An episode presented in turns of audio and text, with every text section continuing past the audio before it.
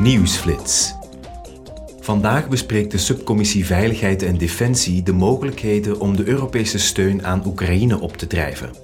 De commissieleden zullen ook de beschermingsinstrumenten beoordelen die de EU onlangs heeft opgezet met het oog op de oorlog in Oekraïne.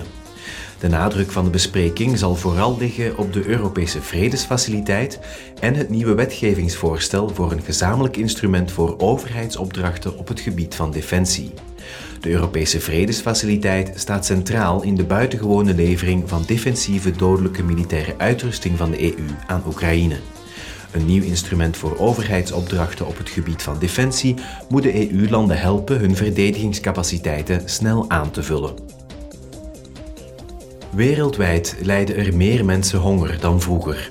De situatie is vooral zorgwekkend in Oost-Afrika, waar twee mensen per minuut van de honger omkomen.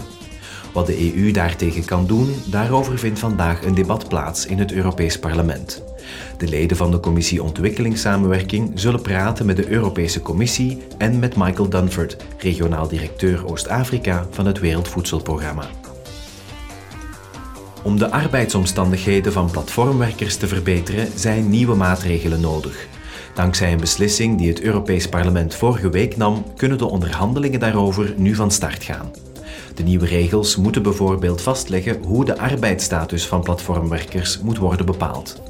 Daarnaast moeten er afspraken komen over het gebruik van algoritmes en artificiële intelligentie voor het volgen en evalueren van werknemers.